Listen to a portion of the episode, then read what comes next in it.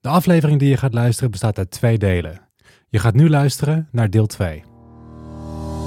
Dit is Leaders in Life Sciences, een podcast waarin we op zoek gaan naar het verhaal achter de mens. We praten met leiders van nu en later over wat hun drijft, hun carrière en privéleven. Want door naar elkaar te luisteren komen we als individu en als sector verder. We willen onze partners hartelijk bedanken voor hun steun. Dat zijn Pivot Park, Axon Lawyers, Jansen, Patterson Partners Executive Search en Scribes Fiscalisten. De gast in deze aflevering, virologe en hoofd van de Viroscience afdeling van het Erasmus MC, Marion Koopmans.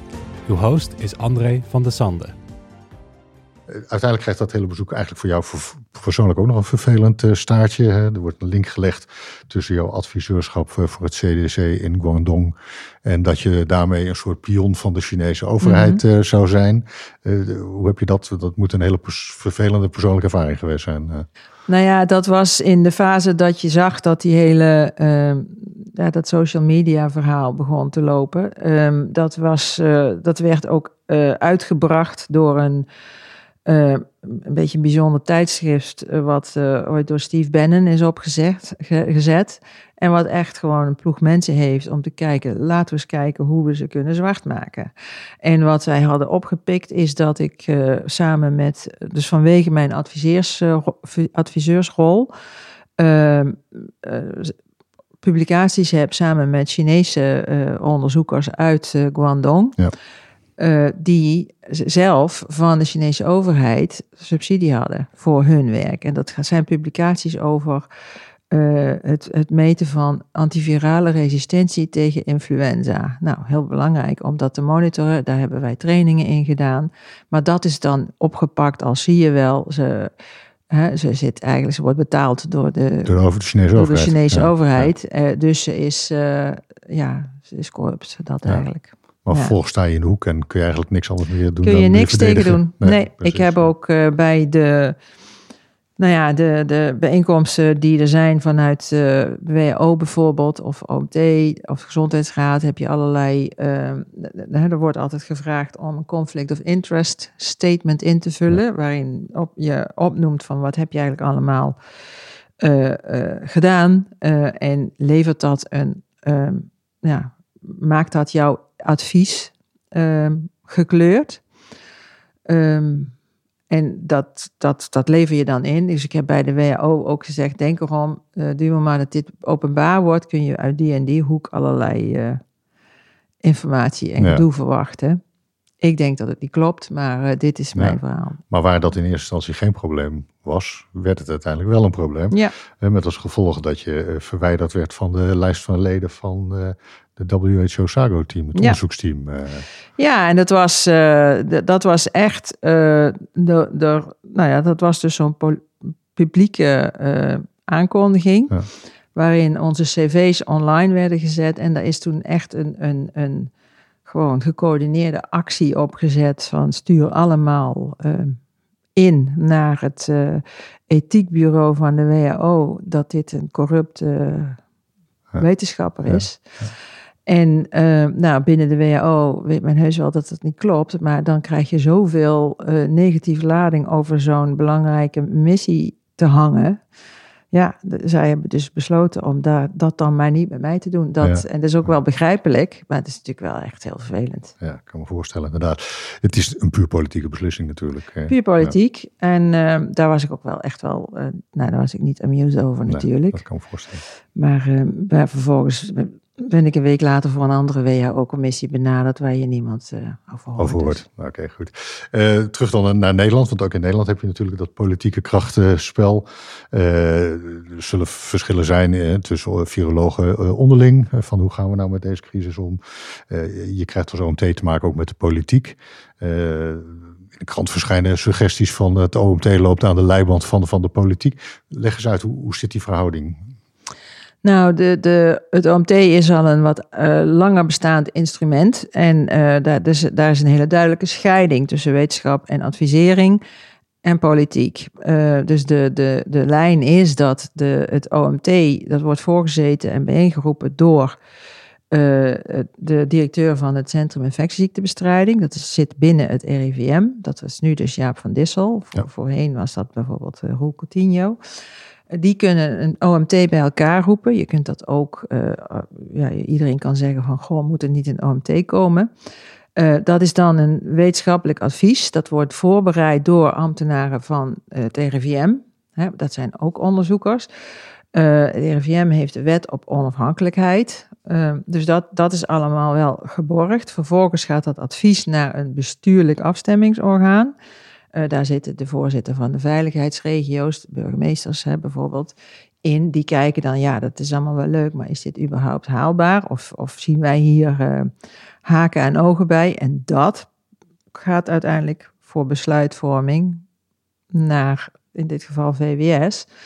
Eh, nou, dat hele traject, dat was gewoon niet meer zo zichtbaar. Met name het, het, het BAO, dus die tussenstap, was gewoon niet in beeld.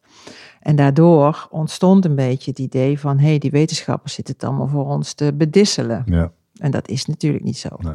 Dus je zegt OMT heeft een puur adviserende rol.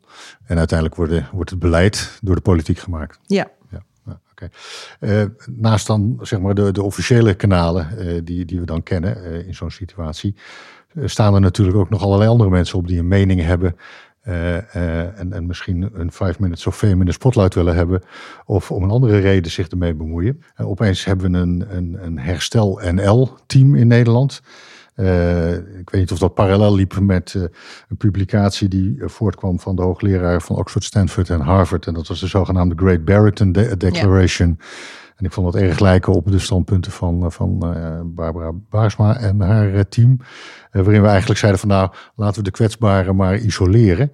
dus laten we de ouderen in vakantiehuisjes opbergen. dat, dat gaat natuurlijk dwars door alles heen, zo'n zo'n standpunt opeens dat naar buiten komt. Hoe kijk je daar tegenaan? Ja, dat was. Uh, uh, kijk, op zich, die onderwerpen zijn natuurlijk belangrijk, hè? Want je, uh, ja, er zijn keuzes, er, zijn, er is impact van adviezen. Um, en wat je merkt is eigenlijk dat, omdat die, ja, die impact steeds groter werd, gingen allerlei mensen uit vakgebieden die voorheen nooit bezig waren geweest met pandemie voorbereiden, die gingen daar ook wat van vinden, wat natuurlijk ook begrijpelijk is en terecht is. Uh, maar daarmee kreeg je uh, dus toch ook wel gewoon tegenstrijdige geluiden. En dat op zich is denk ik helemaal niet erg. De vraag is hoe je die discussie voert midden in een crisis. Ja. Uh, want het werd nu, werd het toch meer richting bijna actieachtig, achter, actievoeringachtige uh, benadering. en daar zag je van, er was eigenlijk niet een manier om die geluiden op een goede manier mee te nemen in de afweging. Het werd een beetje karikaturaal. Uh, van het OMT is alleen maar technocratisch biomedisch bezig. Dat is natuurlijk niet zo, want daar zitten ook bijvoorbeeld GGD-artsen in die uh, echt wel weten dat je grote verschillen hebt in, uh, tussen bevolkingsgroepen in steden en dat je daar heel verschillend mee om moet gaan, benaderen, dat de communicatie heel erg belangrijk is. Uh, maar dat staat niet allemaal in een OMT-advies. Dus dat werd een beetje karikatuur. Uh, wat niet wegneemt dat die discussie wel belangrijk is. En dat is denk ik wel uh, ook, dat is natuurlijk ook een van de evaluatiepunten geworden. Hè? De OVV heeft daar wat over gezegd. Van zorg nou dat je die geluiden uit de biomedische of de sociaal-wetenschappelijke wereld en de economische wereld, dat je dat op de een of andere manier meeneemt. Ehm, dat is nog helemaal niet zo eenvoudig. Nee. We zijn dat nu vanuit het, ons Pandemic eh, Center ook met gewoon als wetenschappers aan het uh, proberen. Mhm. Dus we hebben inmiddels met een aantal uh, ja, mensen die ook bijvoorbeeld in, in Herstel NL actief zijn geweest, of zich economisch gehoord hebben, uh, zijn wij wat momenten uit de pandemie advisering aan het naspelen gegaan. Om te zeggen van, nou kijk, om uit te leggen hoe keken wij, waar baseerden we ons op, wat was de informatie uh, die er toen lag, wat we, weet je vanuit ons vakgebied. Um, en hoe zou je dat dan doen? Wat breng je daaraan ja. mee vanuit meer de, de sociaal-wetenschappelijke hoek? eigenlijk vooral ook om te kijken van hoe zou het wel kunnen. Uh, en dan met name ook gericht op de wetenschap. Want uh, hoe maak je nou die afwegingen? Dat is natuurlijk ja. ontzettend ingewikkeld. Hè? Het is een mooie, zou een mooie basis voor een documentaire kunnen zijn op de Nederlandse televisie. Om ook het publiek gewoon eens wat inzicht te geven van hoe lopen dit soort processen nou misschien of niet. Um, ja, nou ja, misschien wel. Het is ook niet, het is niet een makkelijke documentaire, nee. denk ik. Want het, het punt, um, dat is denk ik een, een, een belangrijk punt. Kijk, als je uh, 100 individuele biomedici uh, bevraagt, krijg je ook verschillende verhalen.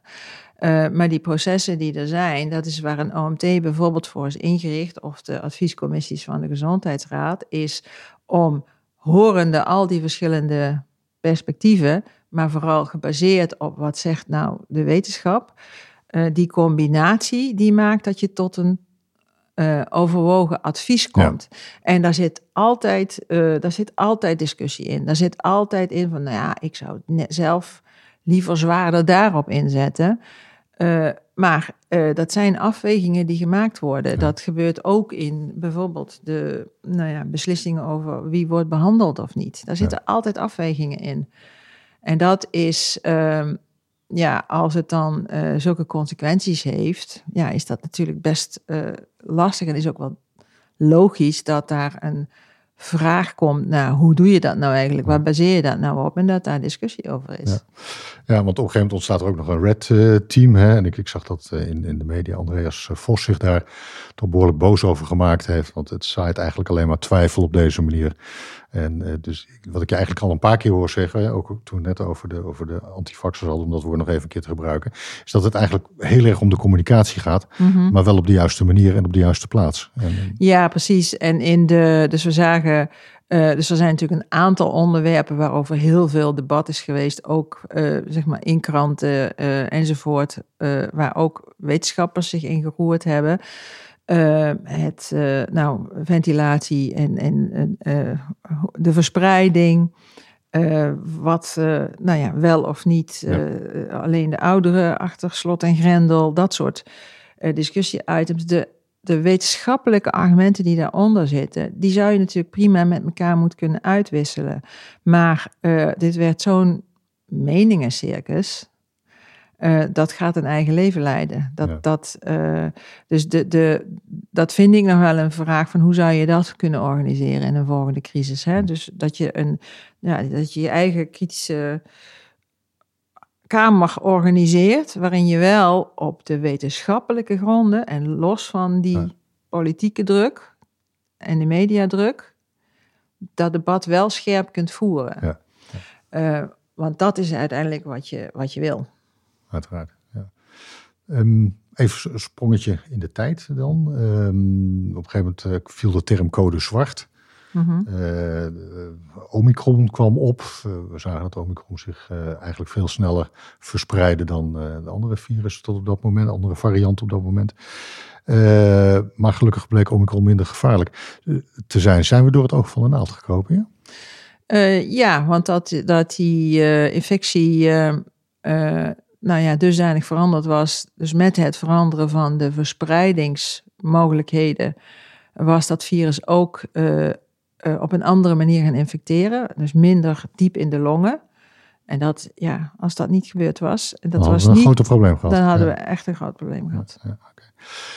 Um, je besluit uiteindelijk om een boek te gaan schrijven eind, uh, eind vorig jaar. En je, hebt ervoor gekozen om dat samen met je, met je zoon te doen. Hoe, hoe kom je tot dat besluit om een boek te gaan schrijven en waarom doe je het met je zoon? Nou, het was, ik was al een aantal keren benaderd en ik had zoiets, jongens, daar heb ik echt helemaal geen tijd voor. En ook, ik weet ook niet of ik dat nou zo wil. Um, en daar kwam het voorstel van, nou, dat kan met een ghostwriter, dat kan misschien door een journalist. Ja, nou, ik zei, ja, dan ga ik even aan een vreemde wat dingen vertellen. Daar had ik echt geen zin in. En toen zei mijn zoon, maar als ik dat nou eens doe. Nou, toen werd het natuurlijk een ander verhaal. Ja. Um, en uh, toen kwam weer nou, dan kwam ik in gesprek met de bezige bij. En die uh, zeiden wel van ja, wij denken echt dat het belangrijk is dat jij dat verhaal gewoon ook gewoon als, ja, toch of je het wil of niet, als rolmodel. Mm. Uh, nou, in die combinatie, samen met mijn zoon, en ook met de mogelijkheid dat je dat, wat, wat nou ja, het verhaal, de wetenschap achter dit probleem, achter de emerging infections, op een rustige manier op papier kunt krijgen, dat maakte voor mij, voor mij wel de doorslag. Ja, plus dat je een heleboel quality time samen kon doorbrengen natuurlijk op deze manier. Eh, ja, het is natuurlijk gewoon lekker uh, een, mooie truc. ik vond het heel grappig om te lezen, want het, het, wordt dus inderdaad echt vanuit je zoon geschreven. Zeker. Dus het gaat continu over uh, Marion zegt dit en mijn moeder zegt dat. een hele aparte manier hoe dat opgeschreven is. Ja. Um, je schrijft hè, dat boek, dat, eh, dat heet Viroloog in een veranderende wereld. Als we het over de veranderende wereld hebben. Wat, ik neem aan dat je dat breder ziet dan alleen de veranderende wereld binnen de virologie. Klopt, ja. Dus de, het is uh, voor een deel verwijst het inderdaad naar ja, de veranderingen waardoor we denken dat je steeds vaker met toch grotere uitbraken te maken krijgt. Hè. Dat, is, dat is natuurlijk een rode draad.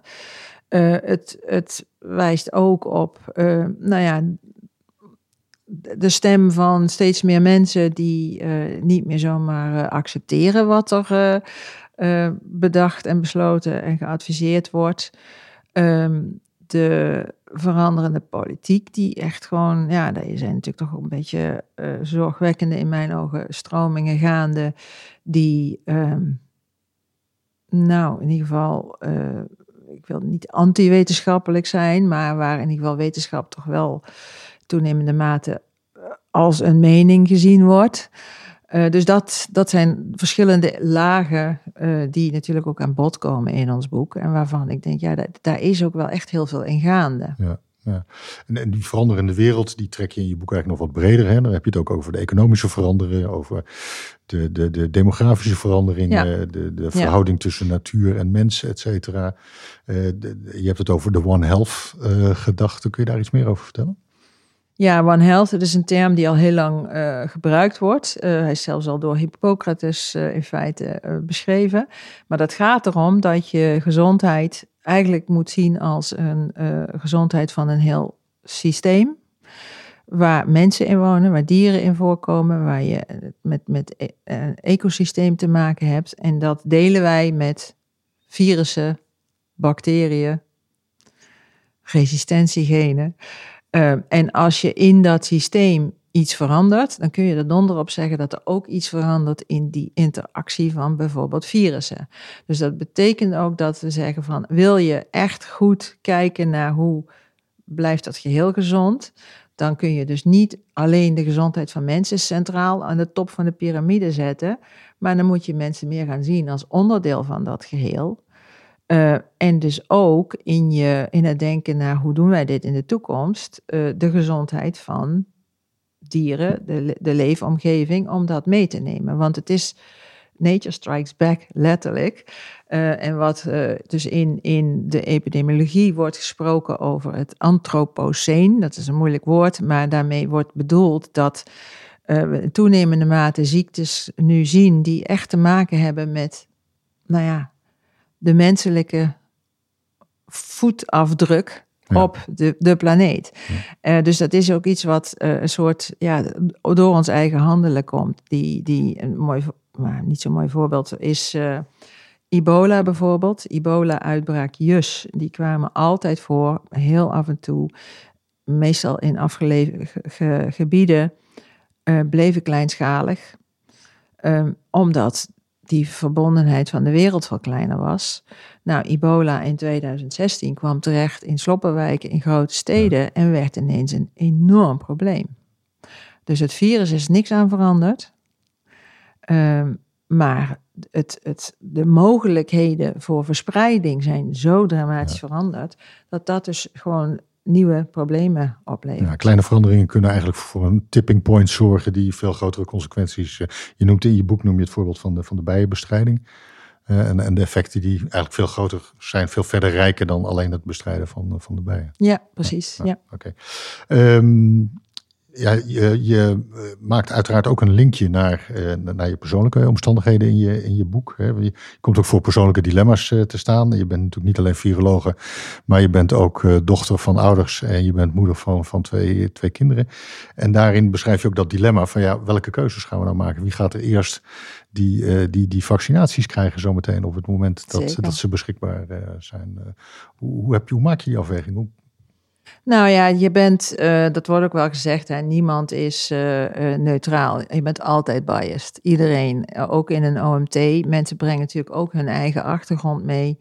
En als jij daar zit als kinderarts, dan heb je toch een andere kijk dan als viroloog, ja. dan als... Dus dat is, dat is evident.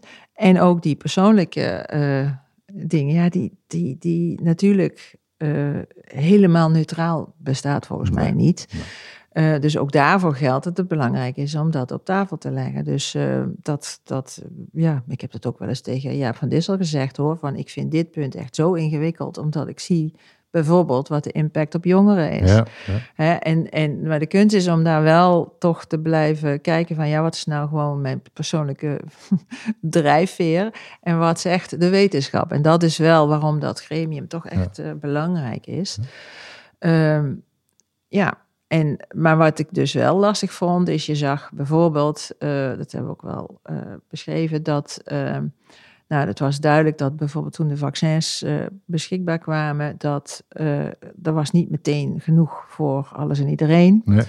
En er was natuurlijk ook niet meteen een organisatie die alles en iedereen tegelijk kon vaccineren. Dus dan moet je kiezen, dan moet je prioriteren. Nou, dat is gedaan op basis van de wetenschap. En daar is gezegd van je moet echt bij de alleroudste beginnen. Nou, dan zit je natuurlijk van, oh yes, daar zitten mijn ouders, bij. Ja, zo zit het wel. Ja, en vervolgens uh, kwam daar toch een tegengeluid van, nou nee, we vinden dat een andere groep eerst voorrang moet krijgen. Nou, dat, dat, eh, dat vond ik wel ingewikkeld hoor. Ja, ja, ja. Nou, je ouders leven nog, uh, Zeker. gelukkig. Uh, uh, om daarmee even het overstapje te maken naar je, naar je jeugd. ik zei het in de intro al, je bent geboren in Tegelen, opgegroeid in Stijl, allebei in de buurt van, van Venlo. Wat, wat, wat voor milieu, wat voor achtergrond kom je?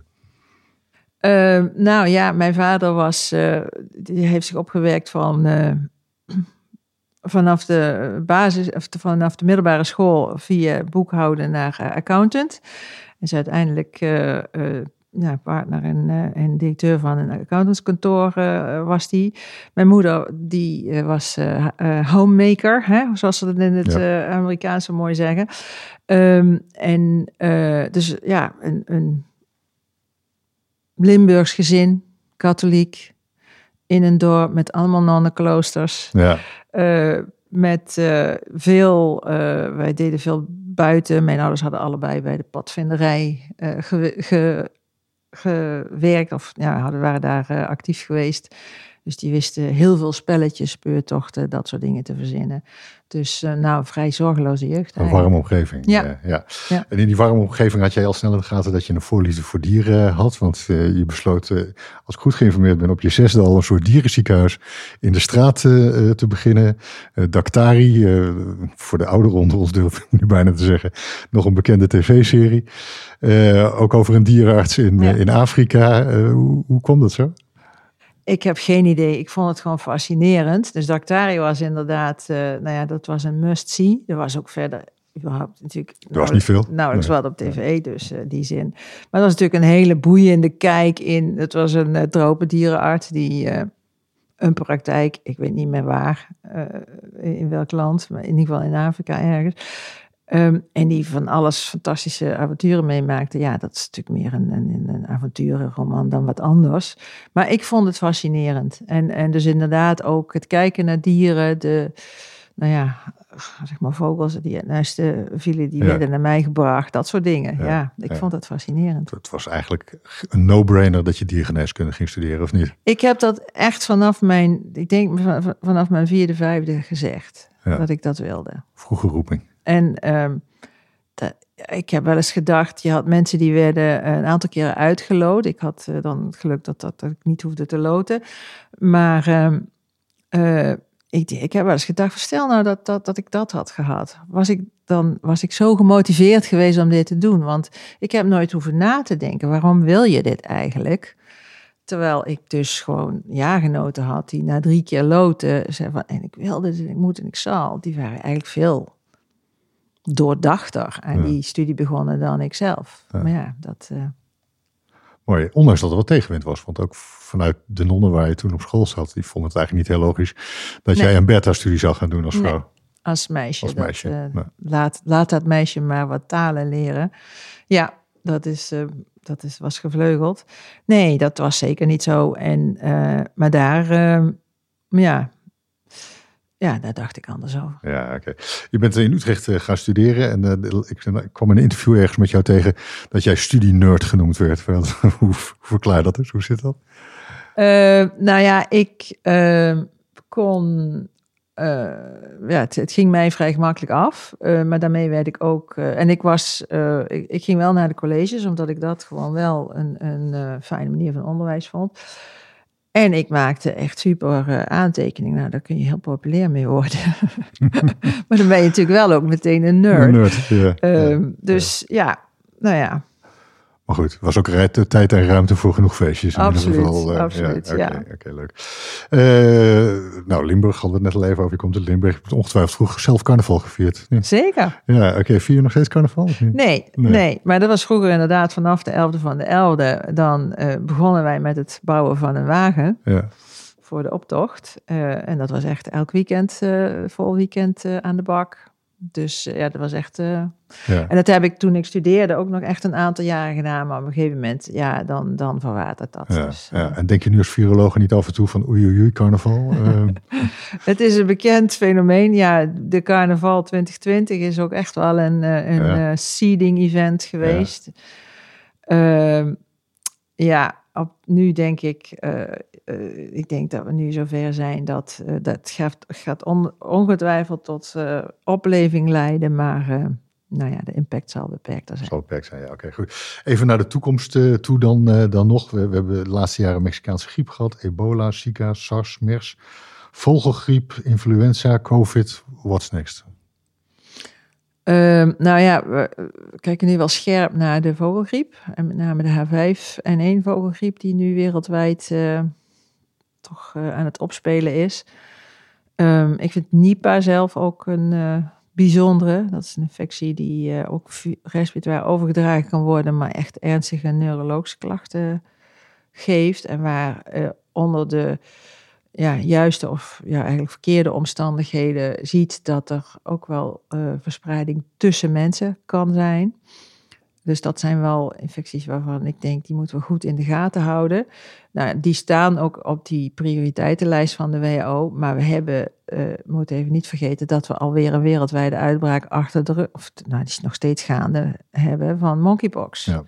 Ook, ja, ogenschijnlijk out, out of the, blue. Uh, was niet zo, want we wisten al dat het wat langer rommelde rondom monkeypox.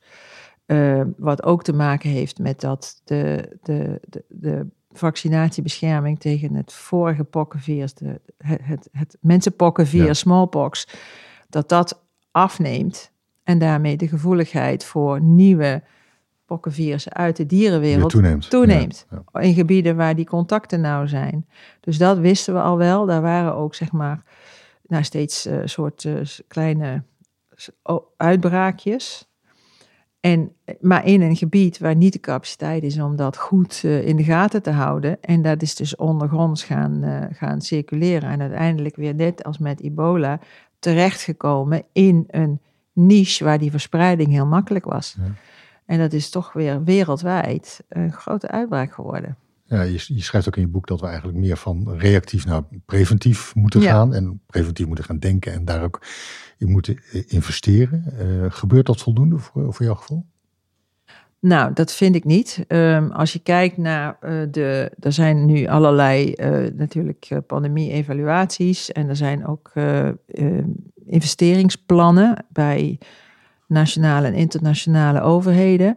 Maar wat mij daarbij opvalt, is die gaan eigenlijk vooral over respons. Hmm. Dus hoe kunnen we ervoor zorgen dat we, als er iets gebeurt, uh, zo snel mogelijk er bovenop kunnen springen en uh, testen kunnen opschalen. In plaats van zorgen dat het niet gaat gebeuren. Exact. En uh, dus ik zou, dat, dat bepleit ik ook daar waar ik de gelegenheid krijg.